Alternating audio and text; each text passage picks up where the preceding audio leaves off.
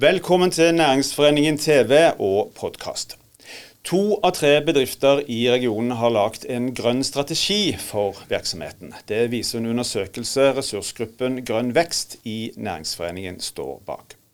Det grønne kartet skal bidra til å gjøre næringslivet i regionen enda grønnere. Og Brage Johansen, du er leder for ressursgruppen Grønn vekst i Næringsforeningen. Si litt kort først om hva, hva gjør Grønn vekst? Mm.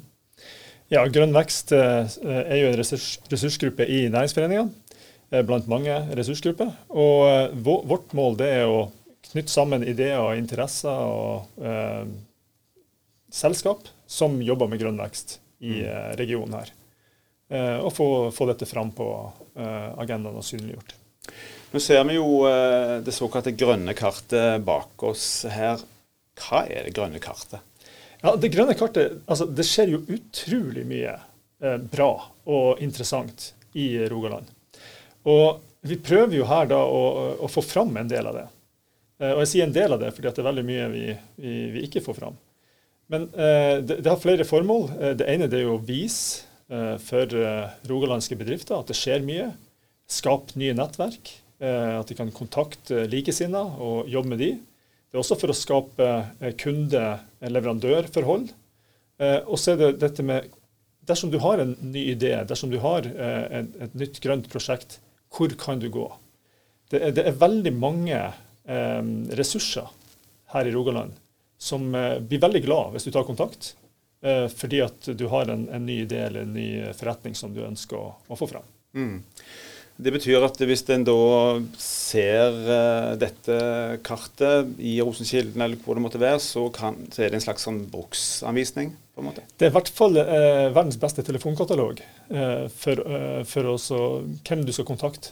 Vi har delt opp i forskjellige bransjer. sånn at hvis det er innenfor finans, så er det de som du bør kontakte. Hvis det er innenfor bygg og, og anlegg, så er det de, som er, de aktørene som er best å ta kontakt med. Så Sånn sett så, så skal det være en, en snarvei for, uh, for, alle de som uh, vil jobbe med grønn vekst. Mm. Hvor langt vil du si at vi er kommet i uh, den grønne omstillingen her i regionen? Rogaland har kommet veldig langt. det blir jo litt overskygga av, av olje- og gassdebatten. Som, som, altså, fordi at vi er så store på det her i Rogaland, så blir alt målt opp mot det. Men hvis du tar fylke for fylke i, i Norge, så er jo Rogaland en av de fremste innenfor grønn vekst. Mm. Så, så, um, uh, så det, det, det, er veldig underkommunisert uh, faktum. Uh, og som sagt, det er fordi at vi, vi, vi har så mye olje- og gassvirksomhet fremdeles som, som, som er mye større enn alt annet vi gjør. Du, nå hørte vi også innledningsvis at to av tre bedrifter i den undersøkelsen som er gjort, sier at de har lagd en grønn strategi for virksomheten. Men hva innebærer egentlig en grønn strategi? Jo, Det betyr jo at du har satt det inn i eh, ditt domene og, og, ser på hvilke eh, virkemidler du kan bruke for, også, for å lage en grønn eh, fortelling rundt din, rundt din produkt og din verdikjede, ikke minst. Eh, så eh, når man lager en tjeneste, så skal jo den være bærekraftig og, og, eh, og grønnest mulig. Så, så, en grønn strategi betyr rett og slett at man har satt seg ned og, og tenkt på det, og gått gjennom og analysert sine, sin verdikjede for å finne ut at man leverer det mest bærekraftige som finnes. To av tre helt til slutt. Går det fort nok? Jeg er faktisk litt imponert over hvor mye som skjer vi har alltid dårlig tid. Har, alt skulle vært gjort i går og bla, bla, bla. Men, men, men eh, det er utrolig mange gode initiativ. Og, og, kompetansen på dette her har jo økt enormt siste ti år. Det gjelder jo ikke bare her i Rogaland, det gjelder jo uh, generelt. Men, men det, det, er en, en, helt annen bevissthet i dag eh, på disse temaene. Både på miljø og klima og produkt, eh, hvordan du skal få dette fram. Bare Johansen, tusen takk for at du kom til oss. 37% av bedriftene som har besvart undersøkelsen, sier at de har produkter og tjenester innen industri, olje og gass som kan løse andre bedrifters behov for å nå klimamålene. Nær like mange svarer det samme for energiforsyning. Inger Tone Ødegaard, velkommen til deg òg. Du er strategidirektør i Næringsforeningen. Eh, hvor opptatt opplever du at bedriftene i denne regionen er av eh, grønn energi?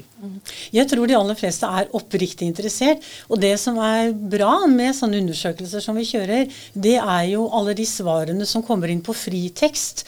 Og det betyr jo at når de er villige til å legge tid og energi inn i det og ville dele, da kommer det frem mye positivt. Og det kan vi løfte frem i møter og kommunikasjon for øvrig. Er dette arbeidet en større eller mindre utfordring i en region som er veldig preget av olje og gass? Godt spurt, men jeg, jeg, kan jo ikke svare på vegne av de andre regionene. Jeg tror vi må se på hva som er fordeler for oss. Og det som er veldig bra med energisektoren, det er at de generelt er veldig langt fremme. Og de går ofte opp løypa for eh, alle leverandører og samarbeidspartnere rundt. Så jeg ser en definitivt fordel. Hva gjør Næringsforeningen for å bidra til en sånn omstilling blant sine medlemsbedrifter? Vi bruker alle de innspillene vi får fra de bedriftene som har en teknologi å, gå foran da, med godt eksempel. Og det deler vi jo selvsagt gjennom møter i workshop, ulike former. Rosenkilden, selvsagt. Så for det handler jo om også å dele kompetanse. Og det var det jo mange av de bedriftene som vi nå har presentert i det grønne kartet, som sa hvis dere vil høre hva vi har gjort, så bruk oss. Så vi har kontaktinformasjon på de, fordi det handler jo om å lære litt fra hverandre. I det store så konkurrerer vi jo egentlig ikke med andre regioner i Norge. Vi konkurrerer med de andre i verden.